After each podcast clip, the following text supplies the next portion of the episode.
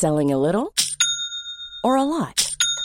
Shopify helps you do your thing however you cha-ching. Shopify is the global commerce platform that helps you sell at every stage of your business. From the launch your online shop stage to the first real life store stage, all the way to the did we just hit a million orders stage. Shopify is there to help you grow. Shopify helps you turn browsers into buyers with the internet's best converting checkout. 36% better on average compared to other leading commerce platforms because businesses that grow grow with Shopify. Get a $1 per month trial period at shopify.com/work. shopify.com/work. When you're ready to pop the question, the last thing you want to do is second guess the ring. At Bluenile.com, you can design a one-of-a-kind ring with the ease and convenience of shopping online. Choose your diamond and setting. When you find the one, you'll get it delivered right to your door. Go to Bluenile.com and use promo code LISTEN to get $50 off your purchase of $500 or more. That's code LISTEN at Bluenile.com for $50 off your purchase. Bluenile.com code LISTEN.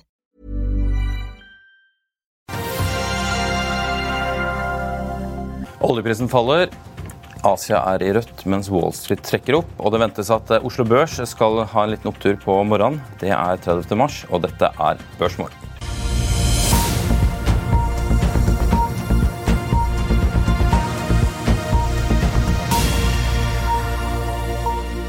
Torsdagen er over oss, og det nærmer seg påske, men vi har noen børsdager igjen. Så velkommen til Børsmorgen her hos oss i Finansavisen. Jeg er Marius Mørk Larsen, og med meg har jeg som vanlig Karl Johan Molnes.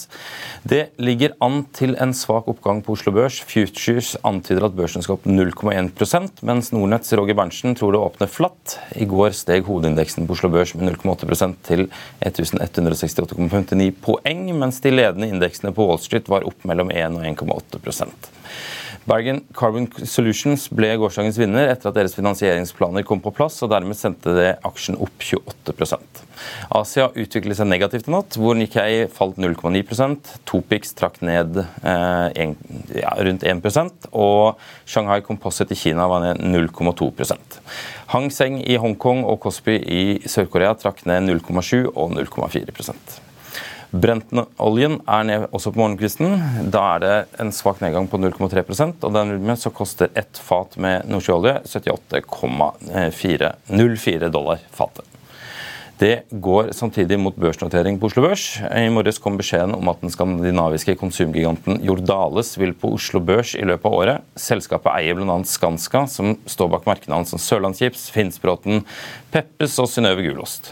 Jan Bodd, Stig Sunde og Carl Christian Sunde sitter på 52% av aksjene i selskapet i dag, mens storbrannfondet Cuvera har 33% og Jens Ultveit Moe har 10 Selskapet har forsøkt seg på en notering på Oslo Børs i 2021, men den gangen strandet det.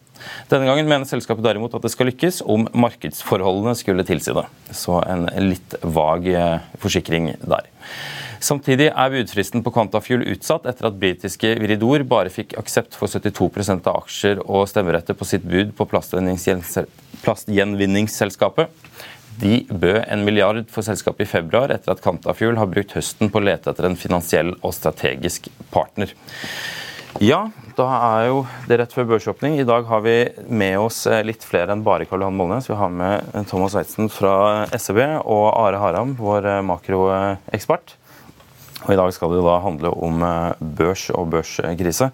Vi kan jo ta frem avisa her, fordi i dagens avis så har du en, eh, en liten artikkel om hvor billig det ville være å starte en eh, finanskrise. 2,5 millioner kroner var du mener at det var det vi trengte for å starte en ja, det, krise i forrige uke? Det er i hvert fall ganske lite penger du trengte å legge ut for å, å kunne kjøpe kredittforsikring på Deutsche Bank.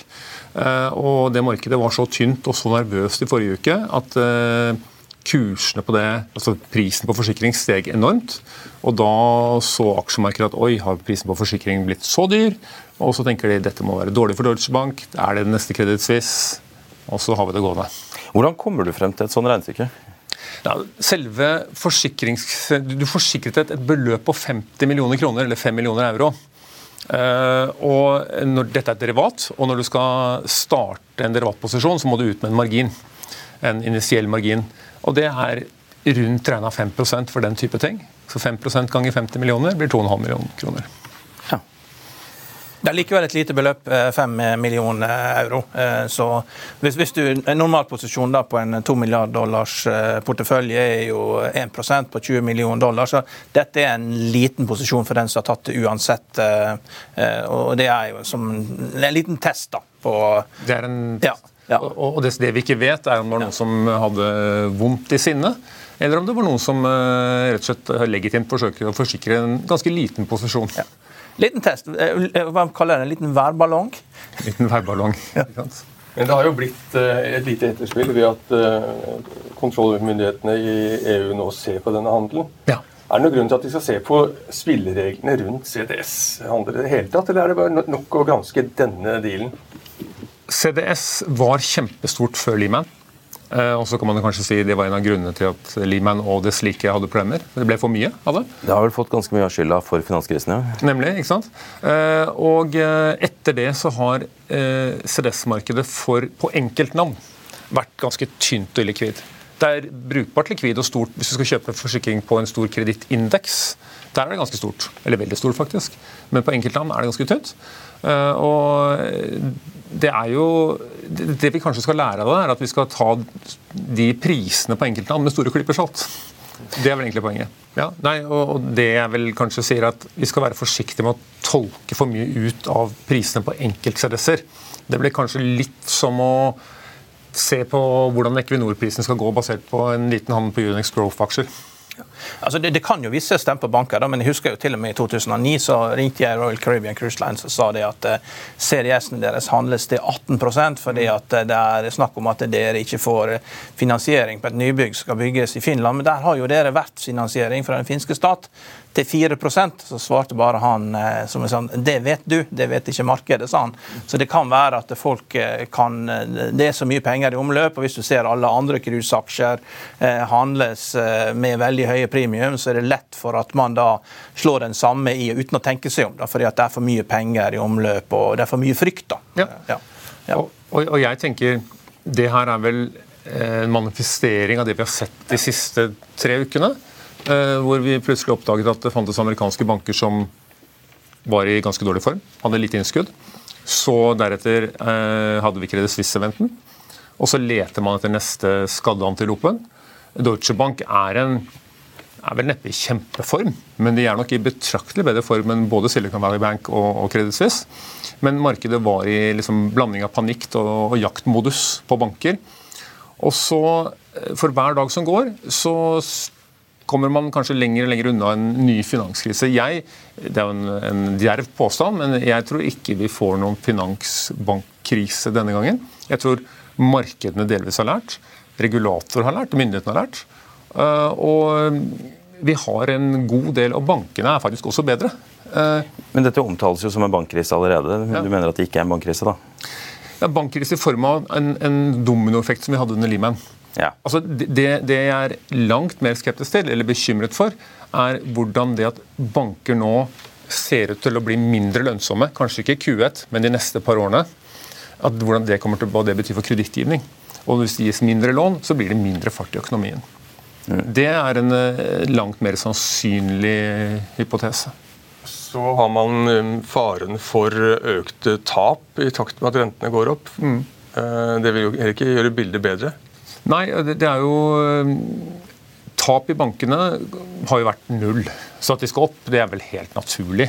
Men, men eh, det er disse, disse, samme reglene som regulerer bankene, som skal gjøre at vi har mest mulig, riktigst mulig kapital i bankene, Eh, de kan virke litt mot sin hensikt når, når eh, eiendom faller. Det betyr at bankene må holde mer kapital for samme mengde utlån. Det betyr at det blir mindre kredittgivning å gi til de andre. Så, så jeg tenker at vi kan, vi kan oppleve nå en, en, periode hvor bankene kommer til å være restriktive på ja, eiendom, vet vi, eh, men også kanskje på høyt belånte selskaper generelt. Men hvordan fungerer det? Du har jo en ny klasse med, med obligasjonslån på, på eiendomsselskaper der som nå handles til liksom mellom 35 og 45. Og, og selv om at dette er ytterst i, i løken, liksom, så de må jo honorere de lånene også. Eh, det er jo ikke bare sånn at ja, men det er et høyrisikolån, det kan vi nedskrive til null. Da er jo det default. Så, og, og, Samtidig så har man banken også lånt ut til de samme selskapene. og Der er jo det ingen nedskrivning. Nei. Så hvordan er det Dette kommer jo til bankene til slutt. Vi får håpe de ikke gjør det. Det er ingen av oss som er tjent med det. at vi, at vi kommer dit. Men, men, de lånene du refererer til, disse mest liksom, junior obligasjonslånene, som for øvrig er eiendomsselskapenes ekvivalent til disse AT1-obligasjonene som Credit Suisse skrev ned, det er egentlig en veldig god uh, parallell til det, de vil ta betydelig eller fullstendig tap hvis et eiendomsselskap går konkurs. Uh, det er jo det banken har som regel lånt til, er pant i bygget. Eh, og de har kanskje flere lag med obligasjoner mellom seg og, og, og, sitt eget pant. Så jeg er ikke så veldig bekymret for store tap i bankene. Men det er mer det at når eller hvis eiendomsverdiene faller, så sier våre internmodeller, eller ikke SEB sine, men bankenes internmodeller, sier at oi, dette lånet er mer risikabelt, vi må holde mer kapital, og da har vi mindre kapital til andre utlån. Norges Bank har jo bekymret seg for næringseiendomsmarkedet en stund. De anslår at prisene skal ned rundt 25% fra toppen til bunnen. Kanskje mer, men rundt 25 Det håndterer bankene, ligger mellom linjene i Norges Bank. Men blir prisfallet større, så vil eh, det gi banktap. Og hvis gir, De har et eh, ekstremscenario med 50% prisfall. Da får vi snakke banksmerte her.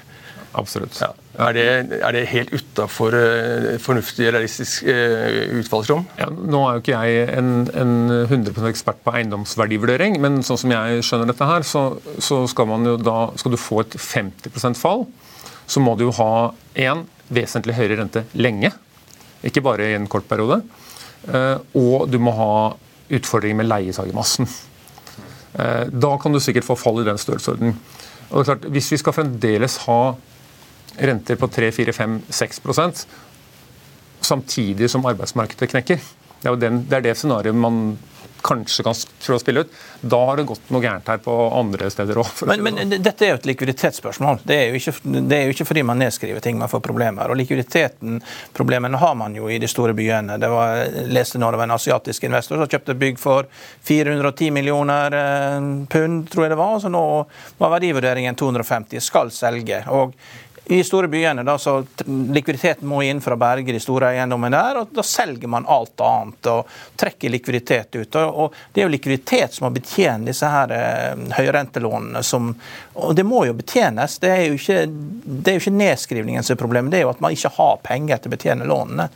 Det er riktig. Altså, alle selskaper, også eiendomsselskaper, er nødt til å ha mer inntekter enn renteutgifter. Ja. Det er jo Så enkelt er det. Ja, Og det, og det, det er ikke tilfellet nå? For mange av de. Ja, det, det vil, jeg vil ikke, Selv om jeg ikke er veldig positiv til som, eh, næringseiendom som aktiva klasse, så, så, må jeg vel si at eh, de aller fleste har mer enn god nok rentetekning foreløpig. Går det flere år med høye renter, så blir det et annet tema. Hvorfor er du ikke positiv til det som en aktiva klasse? Jeg eh, tenker at rentene kommer til å holde seg relativt høye en stund. Mm. Og da får vi litt det som Karl Han er inne på, at i enkeltselskaper så vil man måtte eh, Så begynner kassa å bli tom. Det betyr ikke at eiendommen er dårlig. Det betyr at noen av eierne trenger eh, å fylle på penger. Og når det skal fylles på penger, så er det sjelden positivt for kursen. Så har du i tillegg at høyere rente gir I'm Sandra, and I'm just the professional your small business was looking for. But you didn't hire me because you didn't use LinkedIn jobs. LinkedIn has professionals you can't find anywhere else, including those who aren't actively looking for a new job but might be open to the perfect role, like me. In a given month, over 70% of LinkedIn users don't visit other leading job sites. So if you're not looking on LinkedIn, you'll miss out on great candidates like Sandra. Start hiring professionals like a professional. Post your free job on linkedin.com/people today. I'll see you in court. Vi sier det ofte litt på spøk, men for deg som driver business, er det aldri moro å innse at du ikke har laget en 100% gyldig kontrakt. Du bør ikke risikere hele firmaet ditt fordi du synes dette med kontrakter er litt stress. En avtale er ikke en avtale. Du kan miste kunder, miste venner, ja, til og med miste inntekter, om du ikke lager en skikkelig kontrakt, på alt mulig, egentlig. Men vi vet det er et styr. Kopimaskiner, tregprinter og haugevis av papir. Dessuten stoler vi jo på folk her i landet. Det er ofte litt kleint å skulle be om en signatur for alt mulig, ja, for mye av styret handler også om jakten på underskriften. Det finnes en enkel måte å løse dette på, Dukkobit, en trygg, effektiv og get this, gratis måte å sikre seg en god natts søvn pluss en juridisk bindende avtale. Dukkobit-appen har de strengeste sikkerhetskrav i bunn, samt en EU-godkjent og sertifisert teknologi. Framover vil det bli behagelig å spørre du, skal vi skrive under på det, eller? Kom i gang på dukkobit.no. Leieinntektene, leietakerne sliter mer. Det er også Konsumbrems etc. ikke sant? Ja, men, men så, så, er det jo det som er vanskelig her. Alt henger sammen alt som Gro sier. Men, men høyere rente skal jo være fordi vi har høy inflasjon og trøkk i økonomien. Eh, vi snakker jo om et scenario for å få det til å gå ordentlig gærent, hvor vi har 70-tallsinflasjon og fremdeles lavt trøkk i økonomien. Ikke sant? Eh, det er ingenting som tyder på at vi får det nå. Men, men det er mange ting som tyder på at, vi kan, at, vi kan ved, at renta kan vedvare være 3-4-5% en stund. 3-4-5% rente er jo ikke egentlig seg selv problematisk. Er, hvis du har veldig høy belåning, så kan det jo være en utfordring. Ja. Fordi da vil kredittmarkedet og bankene, altså obligasjonsmarkedet og, og, og, bankene si at oi, her var det ikke så mye penger igjen etter at du har betalt uh, renter. Men altså, Det er mulig jeg er fryktelig naiv, men, men du sier at, at, bankene har antageligvis lært ganske mye siden, siden forrige smell. Mm. Samtidig som de ikke har lært at man skal ikke låne ut til folk som ikke tåler 4% rente. Ja, Det skiller mellom privatpersoner og selskaper ja, ja, her, da. Men, likevel. Uh, men, men uh, Nei, bankene sitter ganske trygt i, i, i, lånestrukturen her. De har veldig mange foran seg i køen som må ta opp før dem. Mm. Men, men, det jeg ikke vet om bankene har tenkt riktig på, eller foregnet seg på, er det at våre regler for hvor mye kapital vi må ha, de, de tilsier at hvis eiendommen faller i verdi, selv uten at banken tar en kronetap, så må vi sette til side mer kapital, for kanskje vi må ta tap i fremtiden. Mm. Det betyr at vår utlånsvilje og utlånsevne, og da snakker jeg ikke ECB sin i seg selv, men banksystemet totalt, blir mindre innenfor aktiva-klassen eiendom, eller næringseiendom. Uh, og jeg tror det samme gjelder en del andre høyt belånte selskaper. Det har, det har, jo vært en veldig populær sektor. Det har vært veldig store fond. og Breit-fondet til Blackstone ja. har jo måttet stenge uttømmingen. og Du får bare liksom ut eh, maksimalt 5 eh, i kvartalet. Det, men da må jo de selge for å likvidere, for å betale ut uansett hva prisen er. Og, og det har jo de lovt at de skal gjøre. Så du, du vil jo stadig få nye salg av eiendommer som kommer til markedet. Altså, og, og, det vi skal være glad for i Norge, er at langt de fleste eiendommer er belånt i bank og ikke i obligasjonsmarkedet. Ja. Fordi det du, ser, du refererer til med Breiten til, til Blackstone, uh, er at, eller BlackRock, er at der er det en obligasjonseier som sier 'jeg vil ikke være med lenger'. Uh, de er, uh, mens banken vil nesten alltid være mer konstruktiv. Hvordan skal vi få løst dette her? Det er lettere å forhandle med banken enn med en obligasjonseier. Så i og med at de, langt de fleste eiendommer i Norge er lånt, belånt i bank og ikke i obligasjonsmarkedet, så vil det være lettere å få til en form for løsning. Men hvor, hvor mye av eiendomsmassen i Norden er eid av London og New York og utenlandske sånn cirka? Nå er vi litt utenfor mitt tema, men, ja, ja. men jeg, jeg, vet ikke. Jeg bare har sett tall på at de, de siste årene så har utlendinger kjøpt 20-30-40 men, ja. men igjen, dette er ikke mitt uh, hovedområde. Mye lettere å selge vet du, eiendommer i fremmed land enn i eget land. Det Altså du, det du sier her er jo at 70-tallet er på en måte worst case scenario. Det vil vi absolutt ikke ha tilbake igjen. Men du skisserer ikke akkurat et, et sånn veldig positivt scenario vi er i akkurat nå heller? Nei, det, det, jeg tenker, eh, både for min egen portefølje og det jeg snakker om med kunder, er at eh, jeg tror bankenes lånevilje vil bli lavere. Men jeg tror økonomien i seg selv kommer til å være helt OK. Mm. Så jeg tror vi kan få en, en, et scenario hvor rentene holder seg på 3-4 eh, litt lenger enn det mannen i gata tror. Eh, låneviljen er litt mindre, men i seg selv går ting greit. Så det er ikke, det er ikke et uh, veldig mørkt scenario, det er bare et tregere scenario. Mm. Men altså, bankaksjer og, og næringseiendomsaksjer er, eh, vil, vil, få det tungt i år, hvis jeg forstår det riktig? Ja, det spørs jo hva som er prisen din. da. Det er jo ikke sikkert at Deutsche Bank-aksjen skal ned. Kanskje den til og med skal opp. Hvem vet? Mm. Men, men, men Eh, eiendom og bank som er priset høyt, kan man jo tenke seg få litt utfordringer. Ja, for Det, det du sier i stad, er jo eh, at, at, du tror ikke på en sånn finansbankkrise igjen. Eh, men det, det, betyr jo ikke at, at alle banker likevel er, er, eh, er sikre og over, altså at vi er over det verste her nå. Nei. Det vil jo antageligvis være flere banker som vil havne i trøbbel fremover.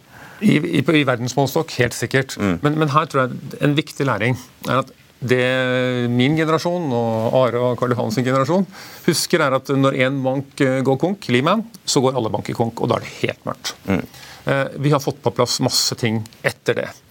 Og det jeg tror kanskje, bank i bordet, vi har lært, er at det er mulig at en bank går konk uten at resten av bankene i verden går konk.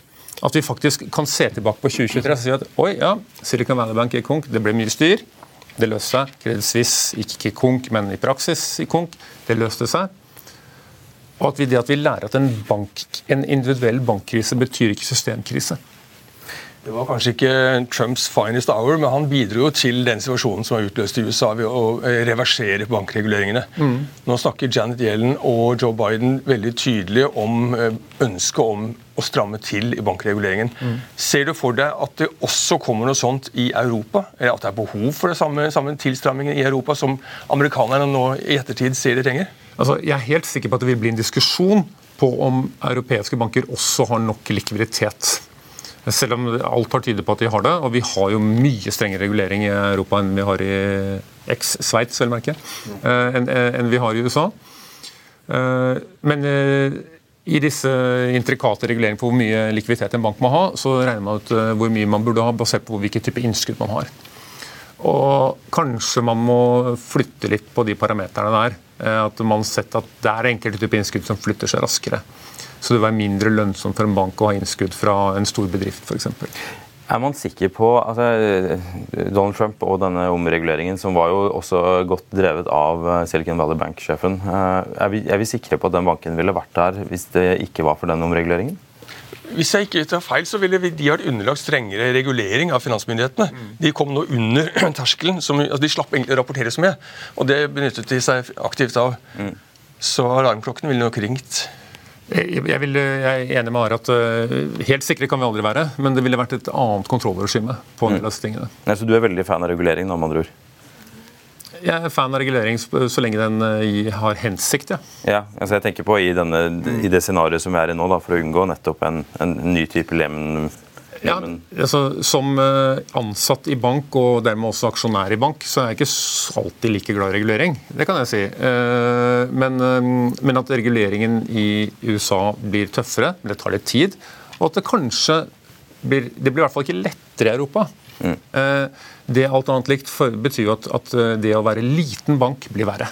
Mm. Men det, det, det, er jo klart at USA har verdensvalutaen. De har handelsunderskudd, og da må de eksportere valuta. Kan, det, USA er det eneste landet der du kan putte inn ubegrenset med penger. Og det går i statsobligasjoner. Og da må man liksom ha en finansstruktur innenlands som er som en svamp, og som da absorberer all likviditeten. Forrige gang så gikk det i mortgages, denne gangen gikk det i venture. Og hvis du kan regulere ventures ene gangen, og så regulerer du eh, mortgages, men neste gang, eh, neste syklus, så er det annen, en annen sektor i USA som er svampen, som er underregulert, som tar imot all likviditeten. Så boom og bust er en del av kapitalistiske system, og, og, det er det som gjør at USA hele tiden får nesten gratis funding og kan ekspandere. Og, og du kan få uh, alle de crazy utslagene i økonomien med veldig rike og veldig fattige folk. Og så kan man like det eller ikke like det, men sånn er det. Vi er straks tilbake etter en kjapp reklamepause. Vil du bli oppdatert på det viktigste som har skjedd innen finans og næringsliv? Da er det bare å følge med, for hver morgen er jeg, Marius Lorentzen og aksjekommentator Karl Johan Malnes på plass i studio for å ta tempen på dagens marked i Børsmorgen. Og hver ettermiddag oppsummerer vi alt du trenger å vite i økonominyhetene, og det blir selvfølgelig masse interessante gjester. Klikk deg inn på fa.no-tv, eller søk opp Børsmorgen og Økonominyhetene der du hører på podkast.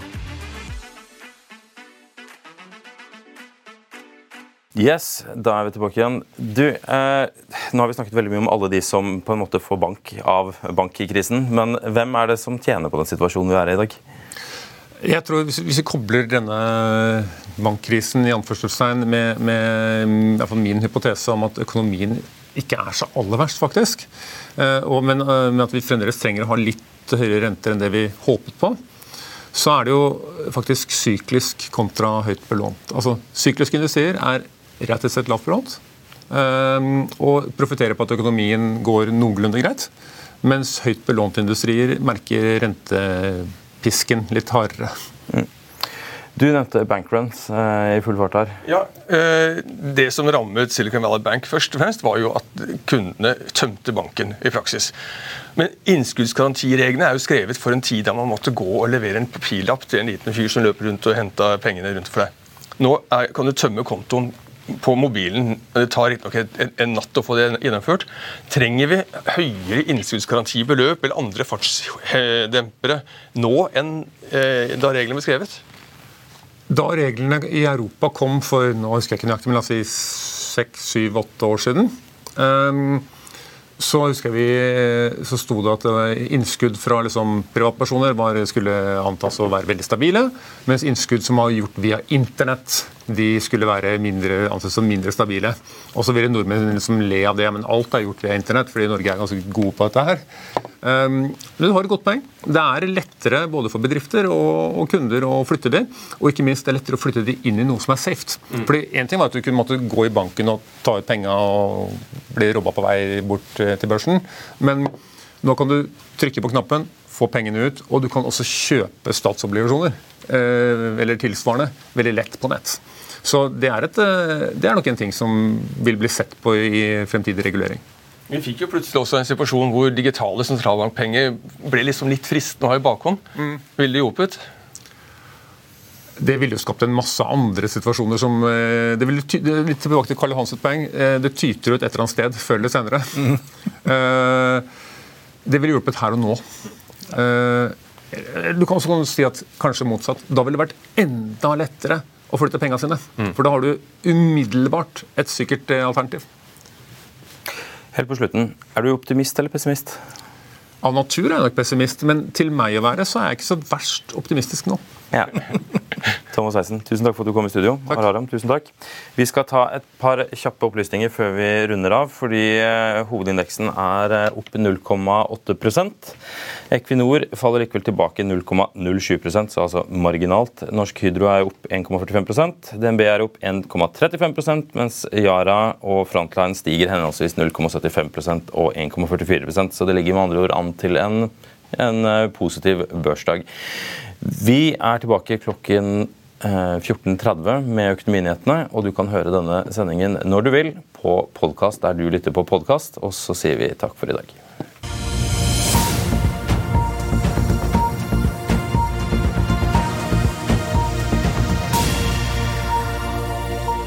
Økonominyhetene er en podkast fra Finansavisen. Programledere er Marius Lorentzen, Stein Ove Haugen og Benedikte Storm Bamvik. Produsenter er Lars Brenden Skram og Bashar Johar. Og ansvarlig redaktør er Trygve Hegnar.